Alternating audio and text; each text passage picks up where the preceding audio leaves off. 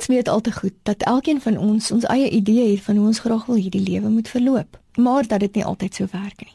Ons weet nie watter uitdagings en moeilikhede ons nog in ons lewens moet trotseer nie. Wat ons wel weet, is dat ons as God se kinders, soos alle mense aan die uitdagings van die lewe onderworpe is. Daar is niks wat ons uitsluit van die gebrokenheid van ons menslike realiteit nie. 'n Verhouding wat onherstelbaar beskadig is en tot 'n einde kom. 'n Dreigende miskraam. 'n Finansiële krisis. Die skrikwekkende nuus dat jy jou werk verloor het. Komplekse gesinsverhoudings. Trauma van 'n ernstige aard. Die virus wat jou takel en op die rand van die dood laat draai. As ons maar daarvan gevrywaar kon wees, maar helaas. Die vraag is, wat doen ons wanneer hierdie dinge gebeur? Iemand verduidelik in die week vir my dat sulke omstandighede soos 'n sleurstroom of baie sterk seestroom is. Jy kan so hard probeer as wat jy wil om daar uit te kom, maar jy kan nie. Al wat jy te doen staan, is om toe te laat dat die stroom jou maar saamneem en om te wag dat die stroom jou van self teruggooi op die strand.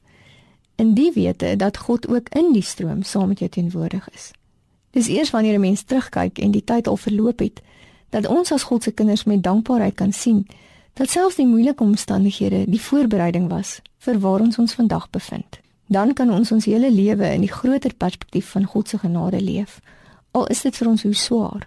Henry Nouwen stel dit so: As long as we keep dividing our lives between events and people we would like to remember and those we would rather forget, we cannot claim the fullness of our being as a gift of God to be grateful for.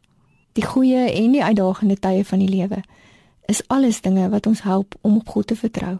Klaagliedere 3 sê dit anders.